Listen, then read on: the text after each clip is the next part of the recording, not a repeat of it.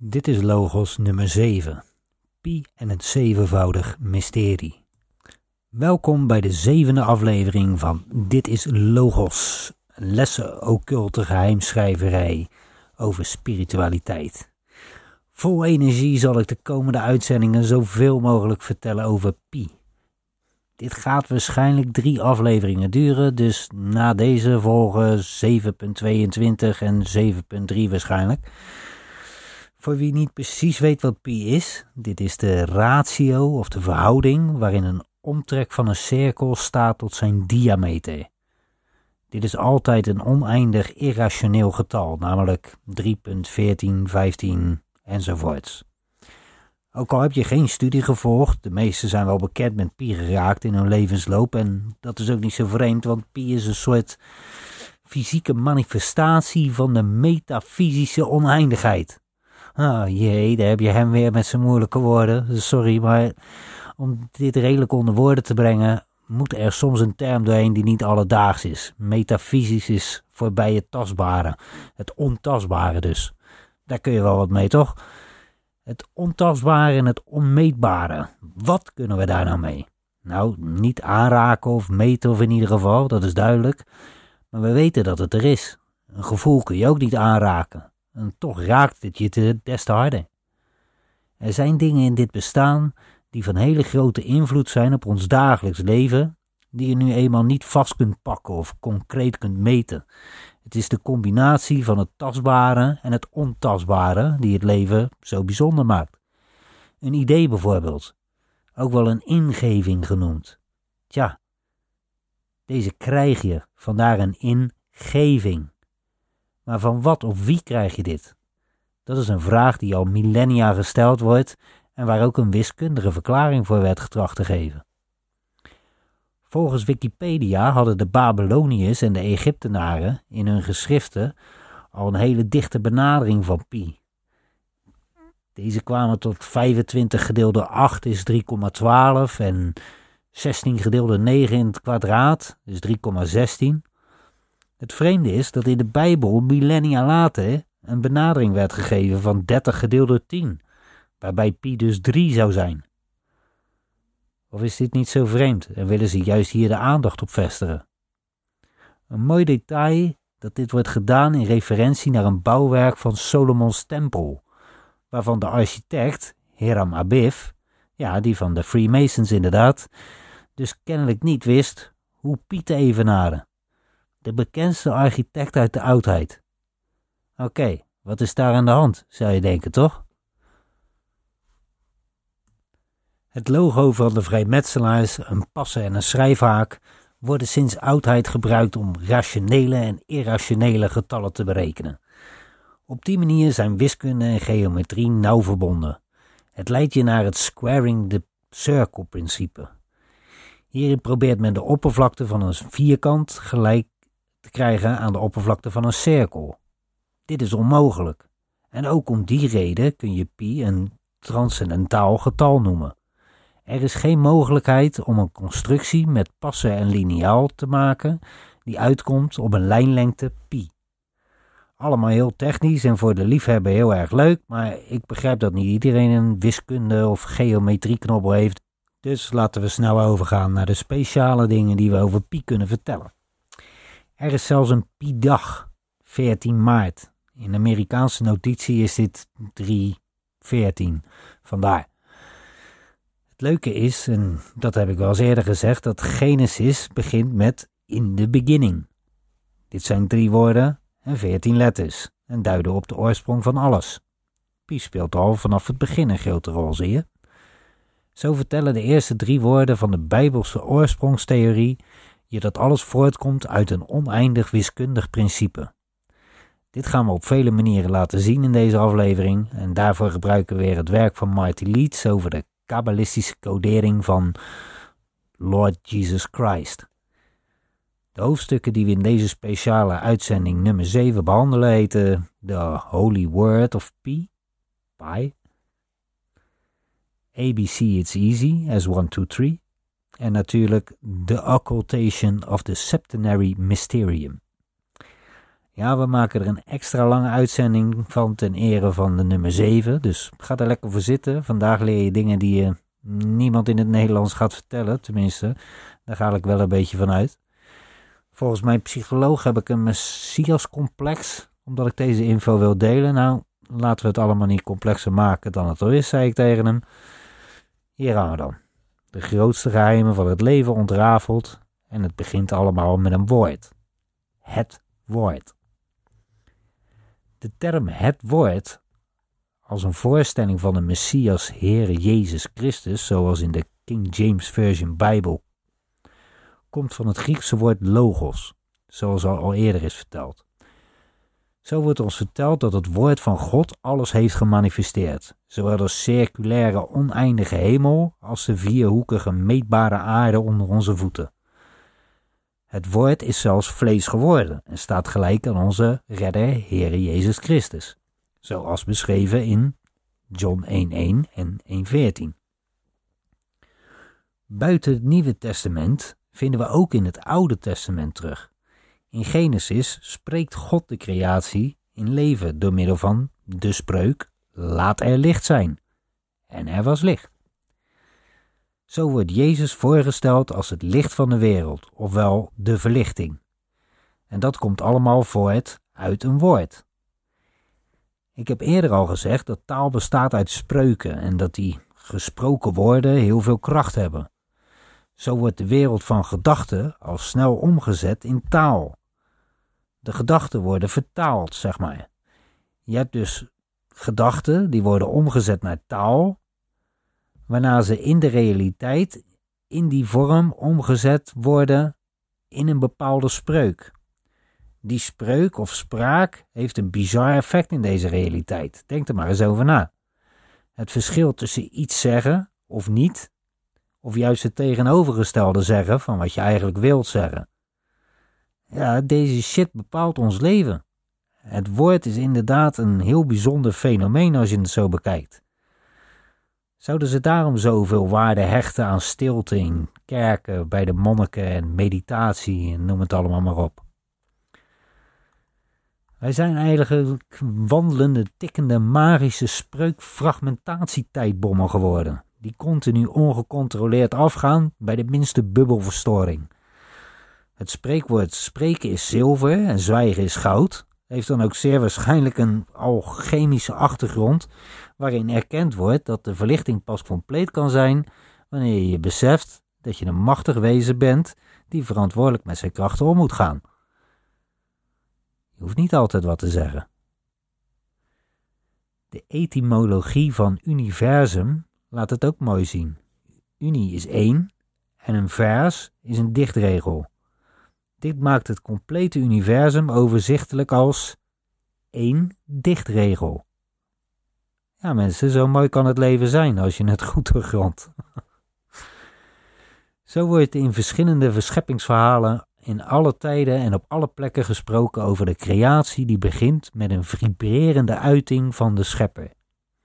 Hoe die ook genoemd werd en door wie. Volgens de Maya's in de Chilam Bilam toen er nog hemel, nog aarde was, sprak het vuur het woord van één of eenheid. Later in hetzelfde manuscript wordt verteld dat de interventie van het woord het begin is van alles in de creatie. Zelfs de Noorse vikingen verwerken de zoektocht naar het heilige woord in de poëtische Edda, een 13-eeuwse verzameling van Noorse mythologie. Odin zocht naar het zalige woord terwijl hij hevige pijn en ontbering onderging hangend aan Yggdrasil, de wereldboom, in het centrum van de aardse creatie. Hij ontving een magisch alfabet, de runes, wijsheid van de goden en het vermogen wonderen te verrichten of wonderlijke gebeurtenissen te veroorzaken.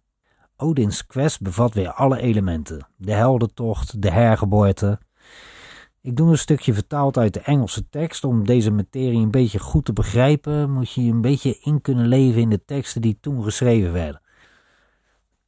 De runen ontsluieren zichzelf alleen voor degenen die zichzelf waardig bewijzen zulke angstaanjagende inzichten en kundigheden te ontvangen. Odin hing zichzelf aan een tak van Yggdrasil, doorboorde zichzelf met zijn eigen speer en staarde neerwaarts in de schaduwende wateren onder hem. Hij gebood geen van de goden hem het kleinste beetje hulp te verlenen. Nog geen nipje water. Hij staarde neerwaarts en staarde neerwaarts en riep de rune aan. Hij overleefde in deze staat balancerend op de afgrond die de doden van de levenden scheidt, voor niet minder dan negen dagen en nachten. Aan het eind van de negende nacht bevatte hij eindelijk de vorm in de dieptes. De runes. Zij hadden zijn offer geaccepteerd en onthulden zichzelf aan hem. Niet alleen lieten zij hun vorm zien, maar ook de geheimen die daaraan te grondslag lagen. Na deze kennis te hebben opgeslagen in zijn formidabele geheugen, beëindigde Odin zijn beproeving met een kreet van verrukking.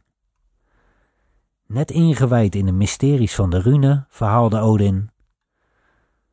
Toen werd ik bevrucht en werd wijs. Ik groeide en bloeide werkelijk. Van een woord tot een woord werd ik geleid tot een woord. Van een werk tot een werk werd ik geleid door een werk. Uitgerust met deze kennis over de werking van de runes, groeide hij uit tot een van de machtigste en meest verwezenlijkende wezens in de kosmos. Kortom, de Noorse held Odin kwam tot verlichting door een woord. Een mooie easter egg in deze mythe laat de kabbalistische leidraad zien die wij altijd proberen te belichten.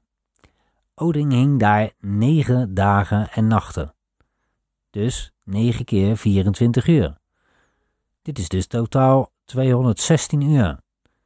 Laat 6 keer 6 keer 6 nu ook exact diezelfde uitkomst hebben. Toeval? Wij bij Dit is Logos lessen occulte geheimschrijverij over spiritualiteit denken daar het ons over, zoals je inmiddels hebt gemerkt. Het zit er wel weer in.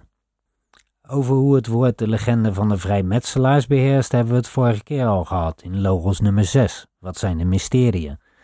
Het verloren woord van de vermoorde Hiram Abif, architect van de Tempel van Solomon.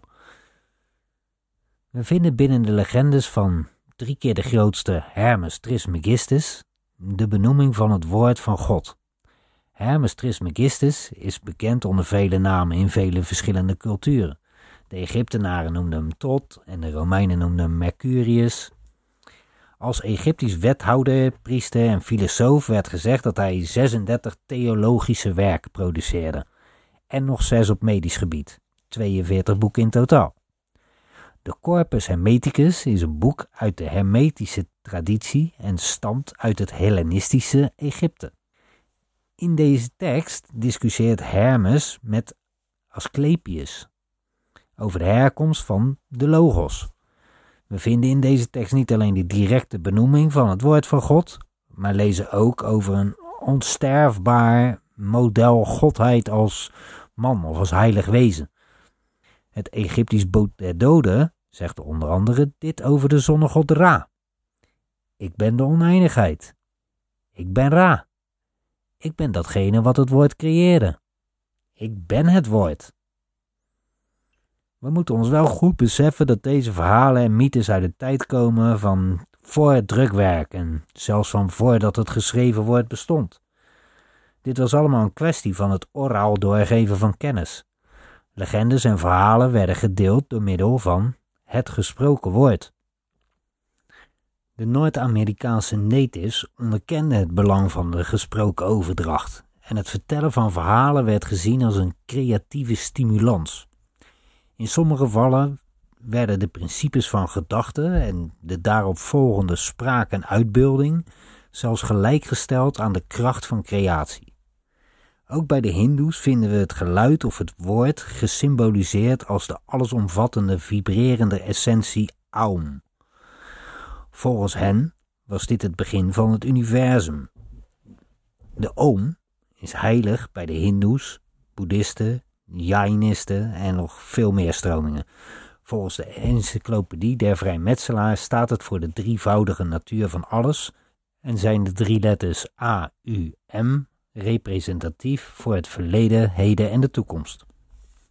De A is de creator, de U is de bewaarder en de M de vernietiger, ofwel Brahma, Vishnu en Shiva. Aum is de primaire manifestatie van Brahman, de kosmische creator, de ultieme god der goden. Zijn kracht werd slechts eenmaal gemanifesteerd, in de uiting van dit woord. In een vertaling van de Rig Veda, de oudste verzameling poëzie en hymnes, geschreven in oud-Sanskriet, staat het volgende. In the beginning was Brahman. With him was the Word. And the Word was truly the Supreme Brahman. Komt bekend voor, of niet? In the beginning was the Word, and the Word was with God, and the Word was God. Johannes 1.1 transcendentale kennis, van de Rig Veda tot in de King James Version Bijbel. Transcendentaal betekent letterlijk voorbij de top. Deze kennis ontstijgt alles en is dus ook aanwezig in alles. Dit is wat we tot nu toe hebben willen bereiken met deze uitleg over de verwijzingen naar het woord en de betekenis ervan. Marty wil ons laten zien dat er een parallel is met de logos en het woord. Zoals hij het zegt, zingt God zijn glorie uit in ratio's van Fai. Hij ontvouwt takjes en blaadjes met de gulden snede, hij kristalliseert de vorst van sneeuwvlokjes tot hexagonalen in de open koude lucht. Gods taal wordt gesproken in wiskunde en het feit dat deze taal voor iedereen hetzelfde is en zich bevindt in het metafysische rijk, met een hele duidelijke aanwezigheid in het fysieke, maakt het dat we het woord van God Brahman, Ra, noem het maar op, in die taal moeten kunnen vinden. En zo gaan we het langzaam over pi hebben. Als er dan een woord is dat het meest mysterieus en vol zit met geometrie en ratio's en tegenstellingen, dan is dat pi. Samen met e, phi, wortel 2, wortel 3 en tau is het het meest significante universele constante die er bestaat. Het feit dat de ratio tussen een cirkel en een lijn, beide zeer concreet en meetbaar, uitmondt in een oneindige, irrationele reeks decimalen, toont je eigenlijk het recept voor deze creatie. Tenminste, zo ben ik het gaan zien. Laat me het verder uitleggen. Het is duidelijk dat er een bepaald woord of symbool is dat een soort goddelijke formule is voor deze creatie en zijn functioneren. In deze afleveringen proberen we je te laten zien dat pi alle eigenschappen in zich meedraagt om deze bijzondere code te kunnen zijn. En je zult zien dat juist dit symbool met zijn numerologische kenmerk van 3.1415 enzovoorts in alle stromingen is terug te vinden. Waardoor toeval, dat eigenlijk toch al niet bestaat, niet meer geloofwaardig is. Pi wordt ons uitgelegd als een gewone constante die nu eenmaal onberekenbaar en onmeetbaar blijkt. Als ze vroeger hadden verteld dat de schepper sprak in wiskunde, dan had ik wiskunde en de schepping een stuk beter kunnen begrijpen, denk ik. Pi ontvouwt zich in een schijnbaar chaotische en niet herhaalbare willekeurige manier. Waarom is Pi zo irrationeel? Waarom geeft de relatie tussen een cirkel en een lijn in die cirkel niet een heel getal of in ieder geval een definieerbare waarde en een berekenbare ratio. Als we willen aannemen dat onze kosmos is gecreëerd door een allesbeheersende architect, dan past daar geen ratio in waarvan de decimalen een numerieke wanorde of een oneindige chaotische getallenreeks vormen. Je kunt dit natuurlijk een kosmische kronkel of afwijking noemen, maar een verhouding tussen de omtrek van een cirkel en zijn diameter is altijd constant. En dat is weer vrij logisch. Wat is er in hemelsnaam aan de hand met dit fenomeen? Een cirkel is de meest efficiënte vorm om een gebied te bedekken. Je hebt met een cirkel altijd de grootste oppervlakte ten opzichte van welke vorm dan ook. Een unieke eigenschap. Naar mijn mening omdat het de meest ruwe vorm is zonder dat de hoeken aan te pas komen. Het is het gelijk, meest gelijkmatig verdeeld vanuit het midden, het centrum, vanuit de eenheid. Vanuit een punt is een cirkel dus de optimale vorm van expansie of uitbreiding, alle richtingen op. Als je begrijpt wat ik bedoel, hè. Soms vind ik het ook allemaal heel erg moeilijk klinken, maar ik probeer het zo verbeeldend mogelijk uit te leggen. Om dit allemaal te begrijpen moet je geometrie een beetje leren beleven, heb ik gemerkt. Een, regendruppel in het water, die maakt een cirkel die steeds groter wordt. En dit is onvergelijkbaar met een polygoon of een hoekige vorm. Het duidelijke verschil tussen meetbaar en onmeetbaar is hierin goed te onderscheiden. Iets met een hoek en punten, dat kun je meten. Iets wat geen punten heeft, dat valt niet te meten. Een cirkel heeft geen begin en geen eind. Deze zijn beide gelijk. Zoals Jezus de alfa en de omega is. Geen hoeken of scherpe kanten, rond, gelijkmatig en een zo efficiënt mogelijk oppervlak. Het voelt voor mij een beetje als een oneindige verplaatsing van energie. Terwijl een driehoek of een vierkant of een andere vorm een restrictie hebben op dat gebied. Ja, eh, dat ga je misschien wel een beetje eh, krijgen als je zo met de geometerij bezig bent en zo. Eh, zonder gekkigheid. Dit is echt een van de bijzonderste dingen die er bestaat in de wereld volgens mij. Als ze mij zouden vragen of dat ik kan bewijzen dat er een God bestaat, dan wijs ik ze op een cirkel die oneindig is en het basiselement van ons bestaan, zowel numerologisch als geometrisch. En dat dat de basis van de wetenschap is. Dus hoe wil je het tegendeel bewijzen? Pi bestaat niet. Een ander deel van het symbool pi is de diameterlijn.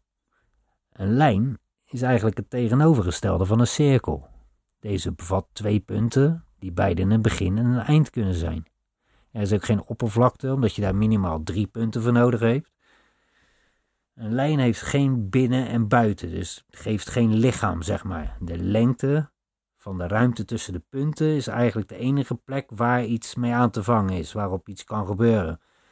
Nu is het precies die lengte die ons het getal pi geeft. Bij een lengte tussen twee punten van 1 geeft de cirkel die daarbij hoort, dus die twee punten, als je daar een cirkel doorheen trekt en die lijnlengte is 1, dan geeft de cirkel die daarbij hoort je een lijnlengte met het mystieke getal pi 3,1415 oneindig. Heel simpel gezegd, bij elke eenheid hoort een oneindigheid. Dit is een feit waarover geen discussie mogelijk over is, of wel? ik hoor het graag in de reacties als het wel zo is, maar dit is gewoon een waarheid als een koe, noemen ze dat. Hiermee toont Pi je de basiskennis van het leven, de eenheid van tegenstelling. Als je je voorstelt dat de hele computerwereld is opgebouwd uit de binaire code 0 en 1, dan zie je in de huidige virtuele metaverse, hoe ze het ook noemen, misschien wel hoe deze creatie werkelijkheid kan zijn of, of kan lijken te zijn, in ieder geval. Maar dan biologisch. Het is eigenlijk te bizar voor woorden, maar je kan je een voorstelling maken uh, als de digitale wereld alleen maar uit een 0 en een 1 bestaat. Ja, in, uh, in onze wereld hebben, hebben we nog een paar nummers. 2 tot en met 9, zeg maar. De harmonie tussen deze diametrische eigenschappen maakt het voor ons mogelijk om symbolische kennis hieruit te onttrekken. Verborgen in pi zitten eindig en oneindig, rationeel, irrationeel, totaliteit, singulariteit, chaos, maar ook orde. Pi is een glorieuze en mystieke wiskundige constante die paradoxen oplost en tegenstellingen verbindt, zegt Martiliets in zijn boek. Hij heeft nog gelijk ook. Een mooi stukje van Frank C. Higgins, auteur van verschillende boeken over onder andere de vrijmetselarij, volgt hierop. Man is unable to comprehend eternity in any other sense than that of a circle.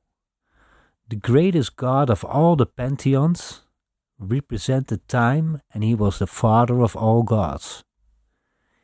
He carried in his hand a straight line and a circle. The first had a beginning and an end, and the second neither. This represented time and eternity. Men is niet bij machten de oneindigheid anders te bevatten, anders dan het gevoel bij een cirkel. De grootste god van al de oude godenwerelden representeerde tijd. En hij was de vader van alle goden. Hij droeg in zijn hand een rechte lijn en een cirkel. De eerste had een begin en een eind, en de tweede geen van beide. Dit representeerde tijd en de eeuwigheid.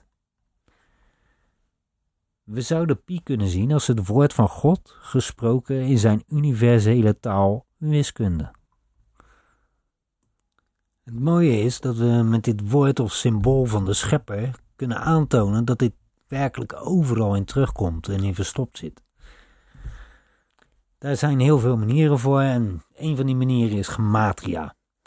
Om dit nog wat duidelijker te maken vinden we in het hoofdstuk ABC It's Easy as 1, 2, 3 meer uitleg over het fenomeen gematria en de bekende vorm hiervan. Omdat dit essentieel is in het gebruik en de totstandkoming van de zevenvoudige cryptosleutel waarmee het Engelse alfabet is versleuteld, moeten we hier een stukje dieper op ingaan. Om deze claim onweerlegbaar te staven is wat achtergrondkennis nodig over het fenomeen gematria. En hoewel we hier al eerder uh, aandacht aan hebben besteed, is het echt belangrijk dat er geen discussie mogelijk is over het gebruik en de toepassing uh, van de gematria en de methodes van gematria in ja, deze wondersleutel in het Engelse alfabet. Uh, we moeten het dus inderdaad zo duidelijk goed uitleggen, zodat inderdaad niemand kan zeggen van het is allemaal abracadabra. Het moet gewoon uh, 100% sluitend zijn. Hiervoor even wat meer uitleg over het gebruik van gematria in verschillende talen.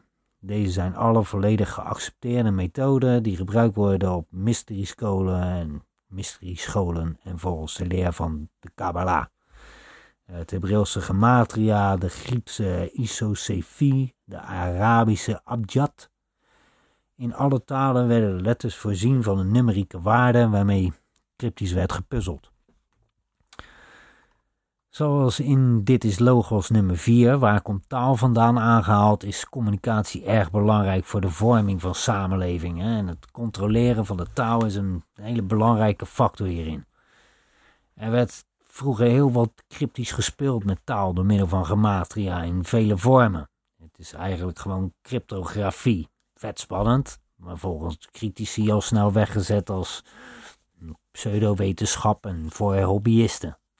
Dat op deze manier vroeger en nog steeds heel simpel geheime of verborgen boodschappen kunnen worden overgebracht. Niet belangrijk kennelijk. Volgens Marty Leeds waren deze verschillende methodes van waardes toekennen en volgens bepaalde regels ontleden veelal een manier om te oefenen en bekend te raken met het op verschillende manieren lezen en ontleden van teksten. Om je te introduceren in de wereld die letters en nummers met elkaar verbindt. Omdat misschien symbolen van letters en nummers meer met elkaar gemeen hebben dan je zou denken. Om te leren spelen met letters zoals de natuur doet met nummers. We hebben het hele spiegel in de tafel van 9 toen laten zien en deze natuurlijke eigenschappen zorgen voor een verrassende dynamiek in deze wetenschap, maar dat zul je wel gaan herkennen onderweg.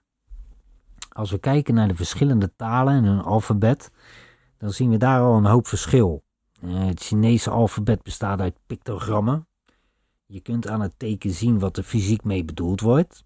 Eh, het Hebreeuwse combineert pictogrammen met tekens om de bijbehorende klank te laten zien. Eh, het Engels en de Westerse talen worden niet beschouwd als fonetisch geconstrueerd, maar de letters komen wel veelal overeen met de klanken van uitspraak. De letters en de woorden hebben helemaal geen relatie met wat ermee bedoeld wordt. Het is helemaal niet pictografisch, zeg maar.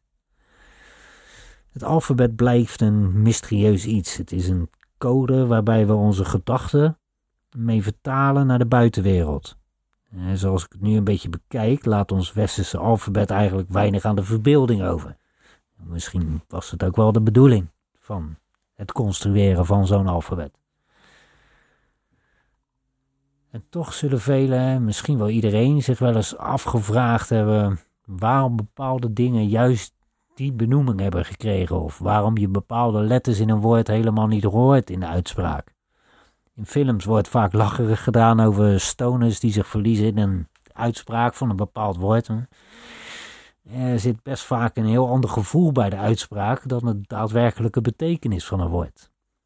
Dit brengt ons bij de constructie van het alfabet en, en onze taal op zich. Als dit vanaf het begin al gecodeerd was met onderliggende numerieke waarden, dan kunnen we moeilijk beweren dat deze talen zijn ontstaan door een verbastering of eh, als ze ja, vanaf het begin al een bepaalde waarde hebben gehad, dan kan het wel verbasterd raken, maar dat neemt niks weg dat de basisconstructie een gecodeerde is.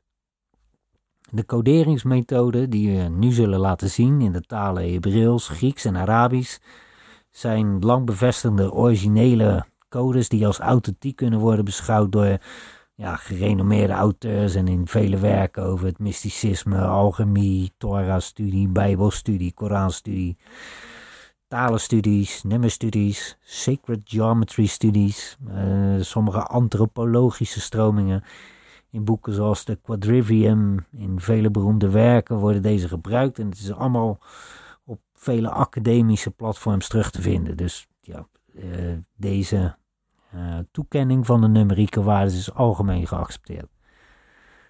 Voor de luisteraars via Radio Gletscher, om deze coderingsmethode te bekijken, stel ik je voor dat je die, ja, je abonneert op Dit is Logos op YouTube.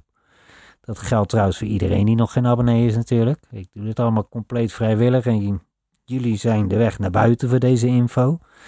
Ik kan alleen de bal opgooien uh, aan jullie om dit kanaal te laten scoren en de informatie ja, te verspreiden en te delen. Natuurlijk zijn alle kritiek en feedback en vragen ook van harte welkom in de reacties. Na de première op Radio Gletsje dan voorzie ik alles van beeldmateriaal en is dit allemaal weer terug te vinden op ons kanaal Dit is Logos op YouTube. En het is allemaal ingewikkeld zat en op die manier kun je als je wilt in kleine stukjes en met bijpassende afbeeldingen het geheel wat beter in laten dalen. Het Hebreeuwse alfabet heeft 22 letters en 5 aansluitende letters. Totaal 27 letters. Ze zijn genummerd vanaf begin tot eind met 1, 2, 3, 4, 5, 6, 7, 8, 9, 10, 20, 30, 40, 50, 60, 70, 80, 90, 100, 200, 300, 400, 500, 600, 700, 800, 900. Het Griekse alfabet dat heeft 26 letters, eentje minder heeft dezelfde nummering. 1, 2, 3, 4, 5, 6, 7, 8, 9, 10, 20, 30, 40, 50, 60, 70, 80, 90, 100, 200, 300, 400, 500, 600, 700, 800. 900 zit er niet bij, heeft één letter minder. Het Arabische alfabet heeft 28 letters. En ja, dus er is weer één meer als het Hebreeuwse alfabet. Er komen de duizend erbij. Maar de numerieke waarden toegekend aan dezelfde volgorde van het alfabet zijn allemaal hetzelfde. 1, 2, 3, 4, 5, 6, 7, 8, 9, 10, 20, 30, 40, 50, 70, 8, 9, 90. 100, 200, 300, 400, 500, 600, 700, 800, 900, 1000 in het Arabisch dan. Het is wel duidelijk dat de basis voor deze systemen hetzelfde is. We zullen laten zien dat, het, dat de Engelse coderingsmethode of het Engelse cijfer hier zwaar van afwijkt en gebruik maakt van een zevenvoudig systeem. Het mooie is dat de logos in staat blijft en in stand blijft. En de hand van de schepper altijd terug te vinden is als we de specifieke benamingen zoals de naam Lord Jesus Christ terugcoderen. Om een beetje een indruk te krijgen van hoe de taal ontleed werd volgens de leer van de Kabbalah, volgen hier wat methoden volgens hun Hebreeuwse benaming met een korte uitleg. Je hebt bijvoorbeeld ragiu. Hierbij tel je de nominale waarde van de letters op. Een benaming voor God in het Hebreeuws is bijvoorbeeld Shaddai. Dit schrijf je als Shin, Dalet en Jot. En Shin is 300, Dalet is 4 en Jot is 10. Dat is samen 314. 314. Dat is wel toevallig, hè? Hebreeuwse naam voor God, 314. Ja. Ga verder. Uh, je hebt ook nog de methode van Colel. Dezelfde methode, alleen tel je het aantal letters van het woord erbij op. In dit geval zijn dat er drie, dus kom je op 317. En dan heb je Catan, de gereduceerde nummers achter elkaar. Dan wordt 300 dus een 3, want 3 plus 0 plus 0 is een 3. En zo zien we gelijk ook een wiskundig kabbalistische vorm opduiken. Uh, Akadmi, de letterwaarde plus de letterwaarde van de voorgaande letter in het alfabet. Zoals je hoort, heel veel variatie om te spelen met letters en nummers. Dan heb je ook nog Temura. Hierbij zijn uh, drie manieren om letters te vervangen voor een andere letter. Bijvoorbeeld alle A's zijn Z's en alle B's zijn I's. Zeg maar. Dan wissel je het alfabet, rouw je helemaal om, van achter naar voren. Nog vele andere methodes die gebruikt worden om buiten de standaard om te denken. Om creatief te zijn met de gegeven symbolen en waarden. Verbanden en spiegelingen beter te zien en te begrijpen. Het breken met de standaard. Dingen op een andere manier bekijken. Spiegelen, verplaatsen. Uh, volgens Marty was dit een deel van de studie waarmee het creatieve gedachteproces gestimuleerd werd. En hij laat ook weten voorkomen begrip te hebben voor de kritiek die hieruit ontstaat vanwege ja, de overvloed van coderingen zonder een noemenswaardige basis, tenminste voor zover bekend. Gelukkig kunnen we met het Engelstalige zevenvoudige cijfer, zonder gebruik te maken van een van deze andere methoden, aantonen dat we tot dezelfde numerieke basis komen. Het is volkomen normaal om in het begin dit allemaal te beschouwen als complete abracadabra. En het is hetzelfde als het leren van een compleet nieuwe taal. Je moet bekend raken met bepaalde regels en methoden die gebruikt worden. En net als bij het gebruik van grammatica, in elke nieuwe taal zal het enige gewenning kosten om de, ja, gewoon de spelregels te herkennen en toe te passen. Maar daarvoor zijn we hier en die initiatie in deze bijzondere methodes vind je Nederlandstalig alleen bij Dit is Logos lessen occulte geheimschrijverij over spiritualiteit. Volgende keer uitgebreid over het zevenvoudig coderen van het Engelse alfabet en hoe dit ja, geverifieerd kan worden in alle oude weesheden. Tot zover de inleiding van de drie afleveringen van aflevering nummer 7. Volgende keer 7.22 wens jullie een prettige voortzetting. Ik hoop dat dit interessant genoeg was om je de volgende keer terug te zien. Tot ziens bij Dit is Logos.